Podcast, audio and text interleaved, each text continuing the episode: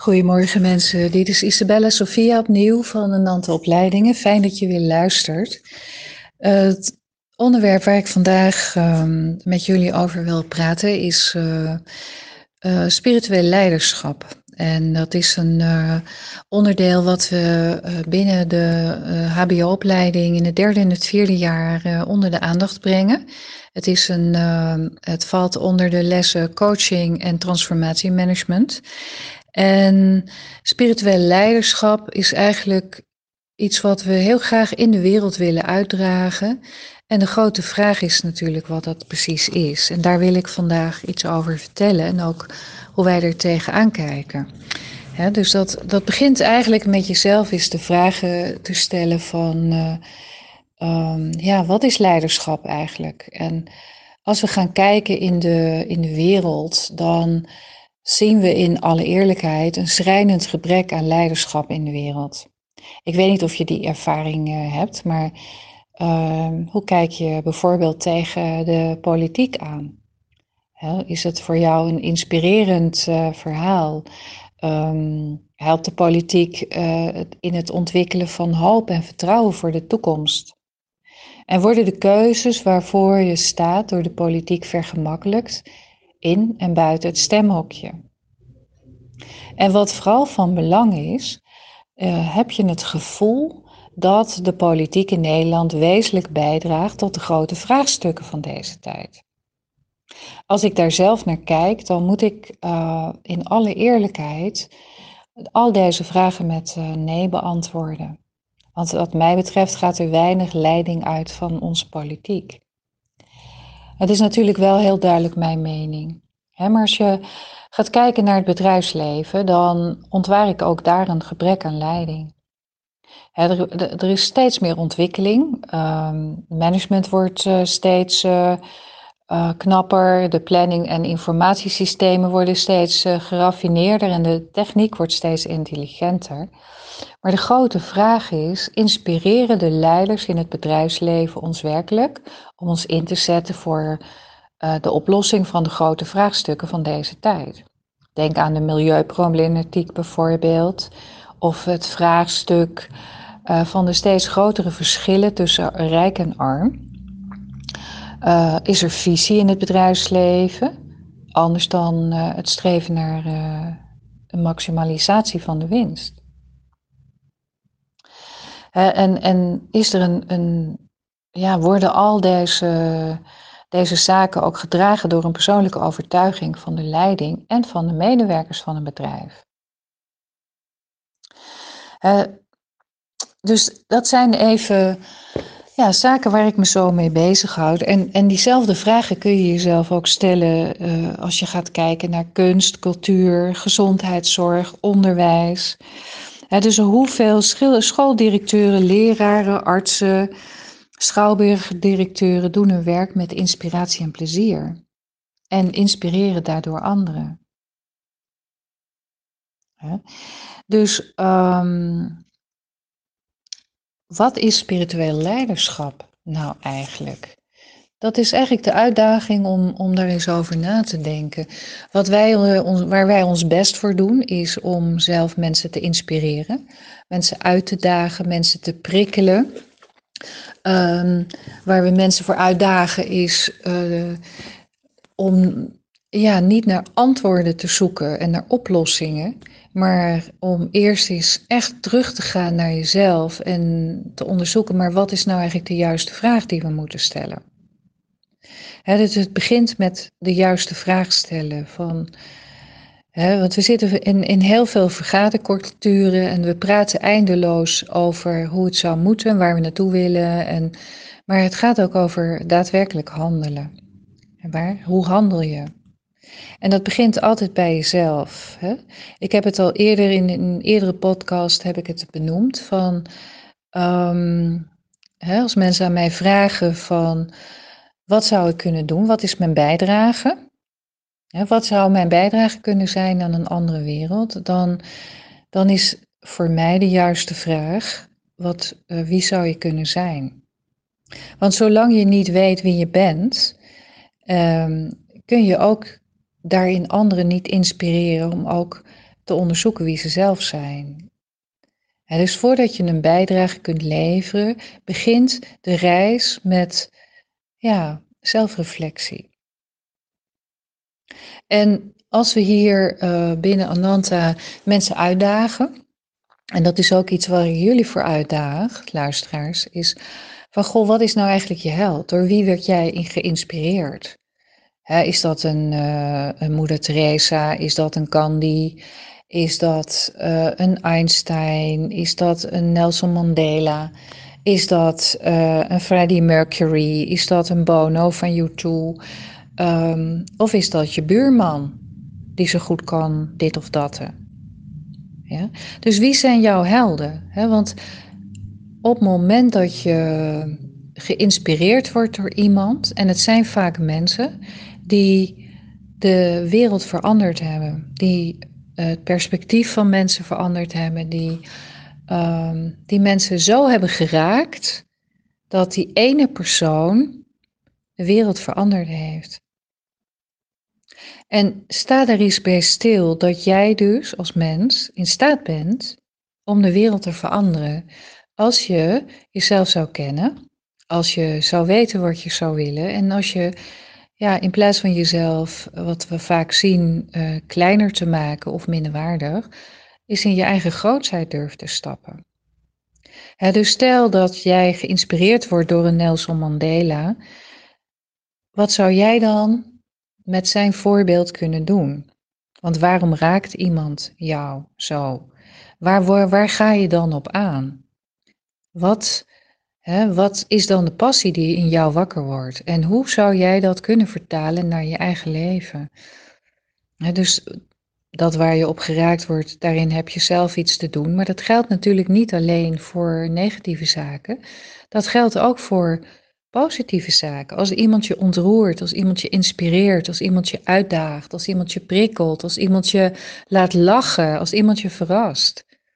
Dat zijn de momenten dat er iets in jou aangaat. Er gaat een licht aan, een bewustzijn aan. En dan is het heel interessant om te kijken, wat gebeurt er in mij? Want dan is het je eigen essentie, je eigen ziel, die wakker wordt. En daar begint de reis. Dus als je gaat kijken naar wie of wat jou inspireert, dan ja, vertaal dat eens naar je eigen kleine vierkante centimeter. En wat zou jij al kunnen doen om in de wereld dingen te veranderen. jullie weten iets over de universele wetten, dus dat betekent dat je het ook kan gaan toepassen.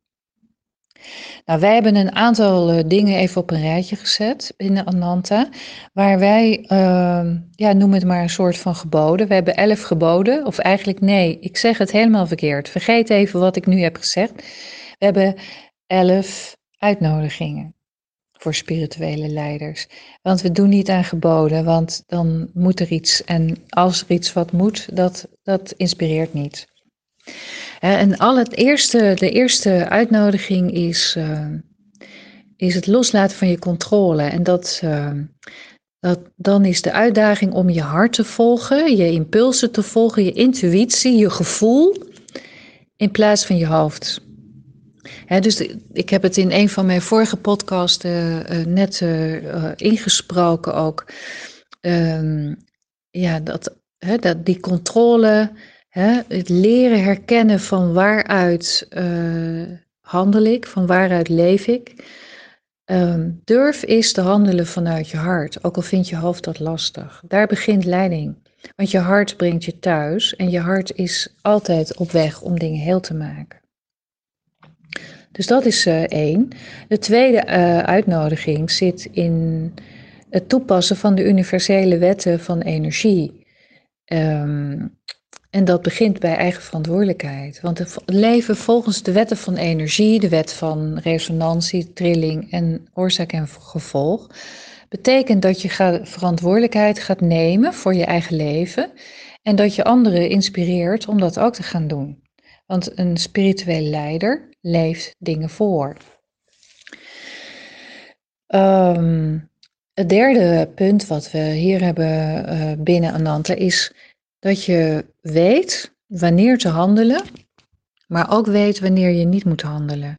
Want soms is niet handelen veel effectiever dan wel handelen. Dus vaak zitten we uh, bovenop de dingen, zeker als het even spannend wordt. En dan is even achteroverleunen, even die rust pakken, even reflex, reflectiemoment voor jezelf zoeken. En eerst terug naar jezelf en weer jezelf afvragen: stel ik de juiste vraag of wat is de juiste vraag? En dan kom je op, op, eigenlijk op een soort van goddelijke timing uit, op een intuïtie. En dat vraagt dus om uit die controle te blijven, maar ook uit de planning. Dus je hart te volgen in plaats van de planning, noem ik dat.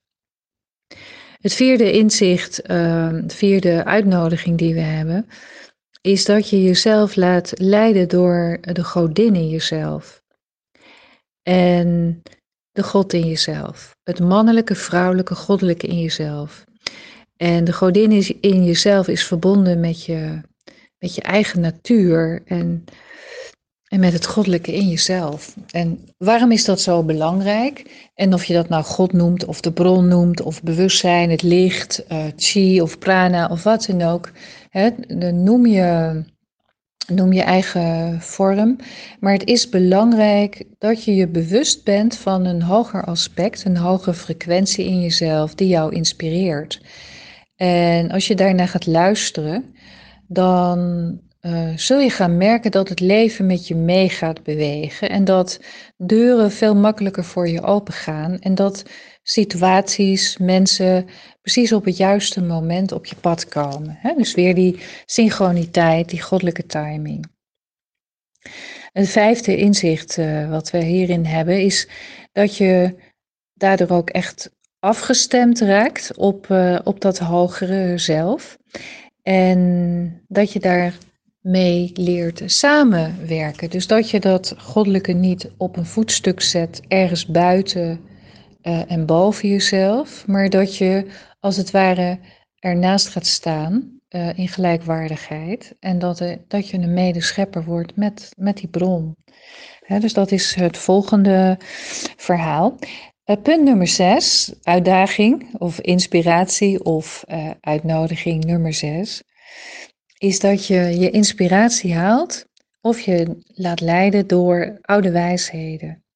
Denk aan, oude kennis. Dat kan uit religies zijn, de wereldgodsdiensten. Maar ook, uh, ja, nou ja, denk aan uh, heb jezelf lief zoals je de ander lief hebt. Um, boeddhisme, Tao, christendom hebben oude wijsheden. Voordat uh, ja, de mens daar zelf uh, van allerlei dingen op losliet. Maar de, de basiswaarden vanuit de religies die staan. En het is belangrijk dat je die oude kennis, of dat nou Christus is of, of een shamaan is of Boeddha is, um, dat maakt niet, niet uit, of een natuurgod. Hè, maar het gaat om dat je ehm, je daardoor laat inspireren. Hè, de natuurgeneeswijze is bijvoorbeeld 5000 jaar ouder dan onze uh, klassieke westerse geneeskunst. En dat vergeten we wel eens. We zien dat als, uh, ja, vaak als, als alternatief. Maar er zit een hele diepe uh, kennis en waarheid over het, het, het mens zijn en over het lichaam. En zij kijken veel meer holistisch dan wij dat doen. En daar, daar kun je van leren en daar kun je je door laten inspireren. Nou, het zevende punt wat we hebben is open communicatie. Die is essentieel. Als je eerlijk bent, dan creëer je ook mensen om je heen die open en eerlijk kunnen zijn, maar die ook autonoom en vrij zijn, hè, in plaats van afhankelijk. Dus de moed hebben om jezelf kwetsbaar en open op te stellen, maar ook gewoon eerlijk te zijn, ook als je iets onhandig hebt gedaan of zelfs uh, stom. Dat je daarin steeds weer bereid bent, zo noem ik dat, om van je voetstuk af te stappen, waar je wellicht opgezet wordt door de mensen om je heen, voordat je er zelf afdondert. Dus stap van je eigen voetstuk af. Wees eerlijk, kom in die gelijkwaardigheid, want anders dan ga je er een keertje van afdonderen. Wat uh, verder belangrijk is, dat je jezelf kent. En dat je jezelf kunt observeren vanuit een uh, metapositie. Uh, vanuit een, ja, een, een soort van hoger observatie.